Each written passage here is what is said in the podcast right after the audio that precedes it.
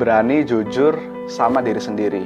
Seringkali apa yang kita bikin, apa yang kita posting, atau apa yang kita bagikan itu terlalu banyak pertimbangan karena kita overthinking, takut bakal dicibir orang, takut bakal karyanya nggak meledak, postingannya biasa aja. Sebenarnya hal-hal itu tadi yang akan menghambat progresnya kita.